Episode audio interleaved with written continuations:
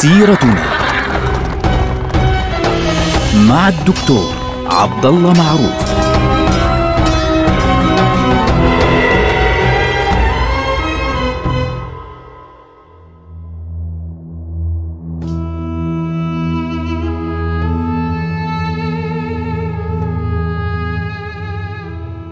السلام عليكم ورحمة الله وبركاته. سيرتنا سيرة هذه الأمة العظيمة ونحن الآن مع علي بن أبي طالب رضي الله عنه وأرضاه.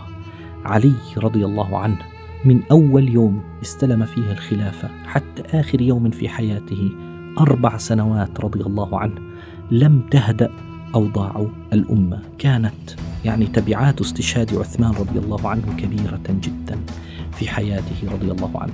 كان أولها موقعة الجمل التي حدثت يعني آه، بشكل لم يتخيله أحد. عندما رأى طلحة والزبير يقتلان غيلة وغدرا وعندما رأى نفسه يتهم رضي الله عنه من قبل هؤلاء أصحاب الفتنة أنفسهم اللي ألصقوا أنفسهم بجيشه وألصقوا أنفسهم به رضي الله عنه ليقولوا والله نحن من علي فبالتالي بدأت الإشاعات تنتشر أنه هو المسؤول عن قتل عثمان رضي الله عنه وهو بريء من ذلك رضي الله عنه وأرضاه. ثم رأى يعني نفسه يضطر يضطر بعد شهر كامل من الحوار والنقاش يضطر لقتال معاوية ابن أبي سفيان رضي الله عنه متأول كل طرف فيهم متأول وبالتالي بعد ذلك رأى هؤلاء الحمقى الذين كانوا يخرجون الخوارج الذين خرجوا من جيشه وادعوا أنه لا حكم إلا لله وبالتالي ادعوا على علي رضي الله عنه بالكفر. أيام صعبة مرت على علي رضي الله عنه، كان يحاول هنا وهناك ويحاول أن يعني يهدئ الأمور، لذلك علي رضي الله عنه هو مثال حي لقيادة الأمة في أعلى مستوى تهديد داخلي، هو الانشقاقات الداخلية، الحروب الأهلية. هذه الحرب الأهلية كانت صعبة شديدة جدا جدا جدا. امتدت أربع سنوات مش يوم ولا يومين. علي رضي الله عنه يعني كانت واحدة من المشاكل التي يعاني منها أنه جيش علي رضي الله عنه الناس الذين انضموا إليه خاصة من العراق كثير منهم أصلا من أصحاب الفتنة وهم سادة أصبحوا سادة ما شاء الله في قومهم. فبالتالي كان يعني يعاني من ضعف الطاعة ومن الوهن من الشقاق الذي يحدث. انشق أصحاب الحرورية اللي هم الخوارج آه، في يعني في عز المعركة في معركة صفين.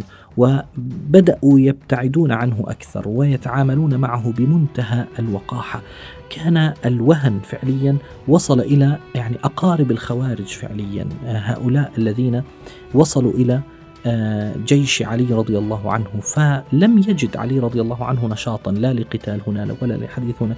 فعلي رضي الله عنه كان يقول لهم يعني يا جماعة نحن الآن قادرون على أن يعني ما دمنا أنهينا قدرة الخوارج. نحن قادرون الآن أن نروح نصفي القضية مع الشام وتثبت الأمور فعليا لكنهم كانوا لا يريدون أن يقاتلوا كانوا بعيدين عن طاعة علي رضي الله عنه. بعكس أهل الشام الذين كانوا يدا واحدة مع معاوية بن أبي سفيان متأولين فعليا أيضا في أمرهم. متأولين أن علي بن أبي طالب رضي الله عنه في آه، جيشه يوجد قتلة عثمان رضي الله عنه وأرضاه.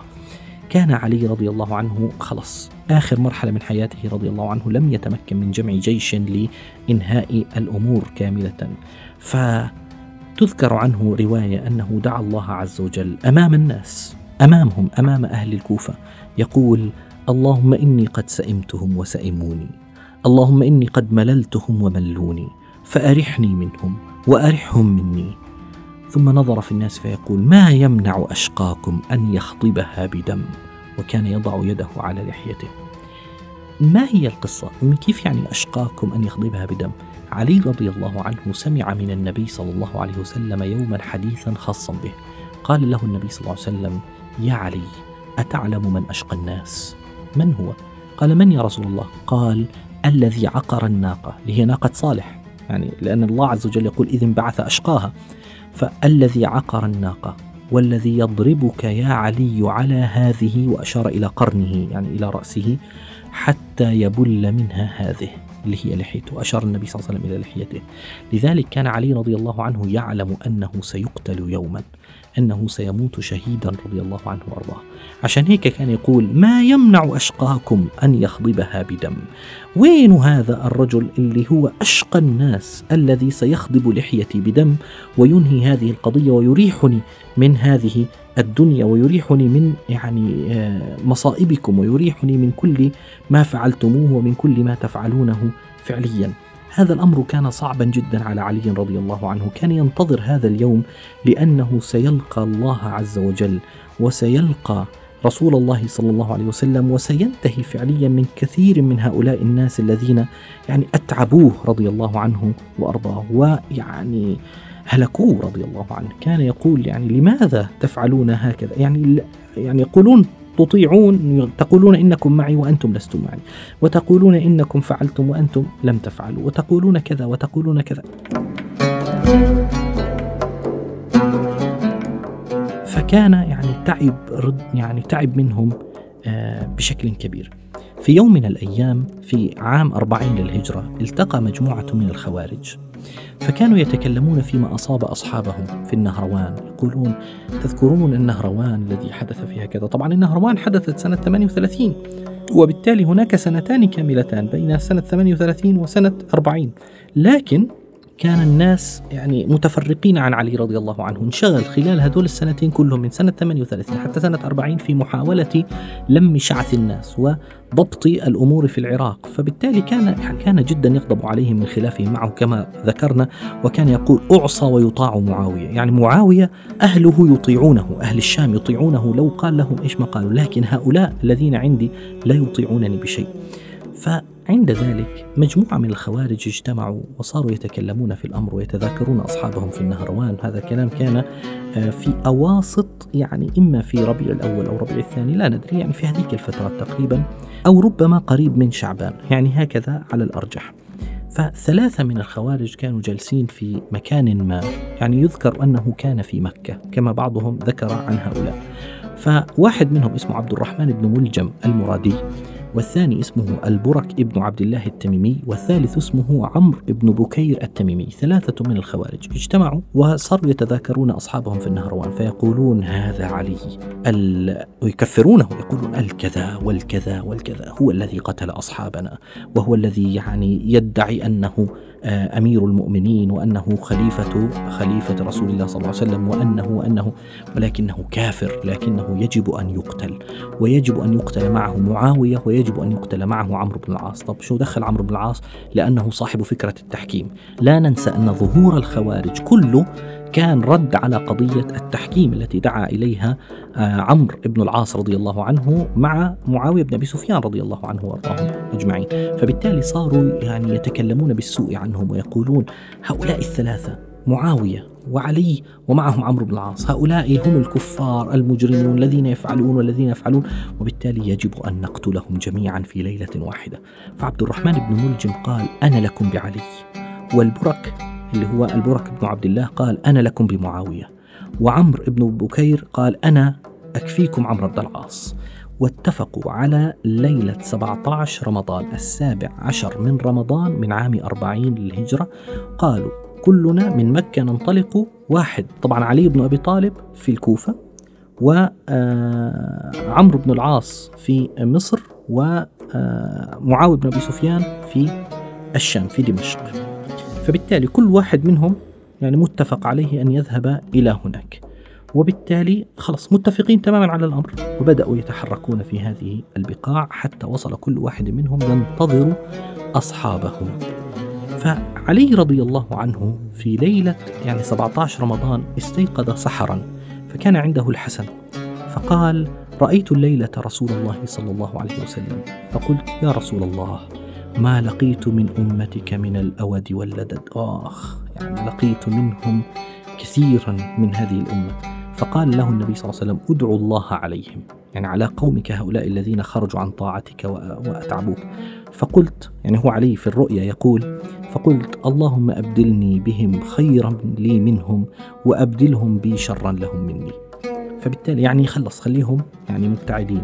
فبالتالي عند ذلك دخل المؤذن على علي رضي الله عنه فقال الصلاة يا أمير المؤمنين. فخرج علي رضي الله عنه من الباب. فصار ينادي أيها الناس الصلاة الصلاة صلاة الفجر. فإذا بعبد الرحمن بن ملجم يعترضه وهو يمسك سيفا فضربه بالسيف وضربه على جبهته إلى قرنه رضي الله عنه فوصل إلى دماغه. فالناس هجموا عليه من كل مكان فأمسك به وأوثقوه ووضعوه في آه، بيت. وأما طبعا البرك ابن عبد الله التميمي اللي هو قال أنا لكم بمعاوية. معاوية خرج إليه هذا الرجل عند صلاة الفجر فمعاوية كان يريد أن يصلي بالناس في آه، دمشق فهجم عليه ولكنه طعنه فلم يصب منه مقتلا جرح يعني معاوية. وأما عمرو بن العاص فكان مريضا في تلك الليلة فطلب من رجل أن يخرج ويصلي مكانه بالناس فخرج ذلك الرجل فهجم عليه عمرو بن بكير التميمي وقتله ظانا أنه عمرو بن العاص. فنجا عمرو ونجا معاوية واستشهد علي رضي الله عنه. طبعا علي رضي الله عنه أقام يوم الجمعة ويوم السبت وهو مصاب. فعندما أصيب رضي الله عنه جاءوا له وقالوا له يا أمير المؤمنين ألا تستخلف أحدا؟ استخلف الحسن استخلف من كان؟ فقال علي رضي الله عنه على الأرجح إني لا أستخلف منكم أحدا. إن أراد الله عز وجل بكم خيرا فيجمعكم فلم يستخلف. لماذا؟ يعني رأى أنه من الصعب أن يستخلف أحدا والأمة ما زالت مفترقة فرفض الاستخلاف. فبالتالي طبعا هناك رواية عند الشيعة بتقول أنه استخلف الحسن لكن هذه الرواية يعني فيها يعني فيها نظر.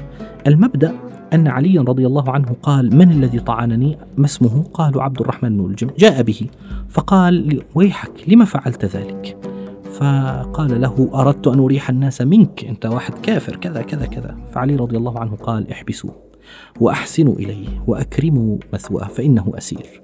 فإن بقيت قتلت أو عفوت وإن مت فاقتلوه قتلتي ولا تعتدوا. يعني ضربة واحدة فقط. إن الله لا يحب المعتدين. بعد يومين في ليلة الأحد توفي علي رضي الله عنه وأرضاه وغسله الحسن والحسين وعبد الله بن جعفر رضي الله عنهم وأرضاهم. وصلى عليه الحسن ابن علي رضي الله عنه ودفن بدار الإمارة بالكوفة ليلا.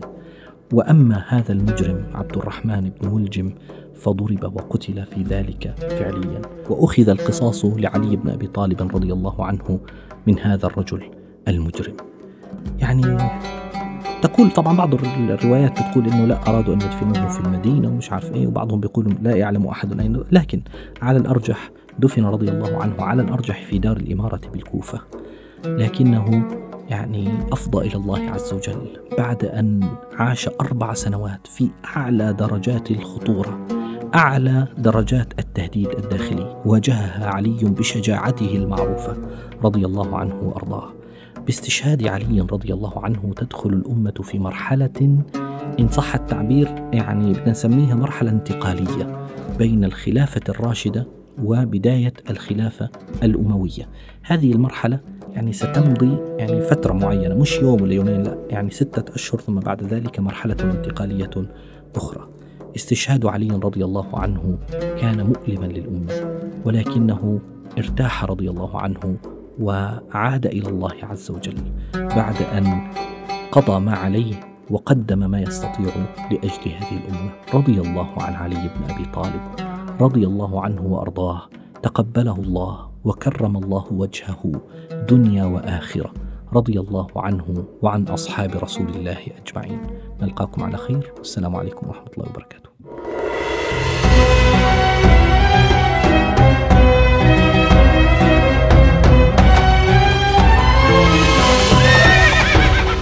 سيرتنا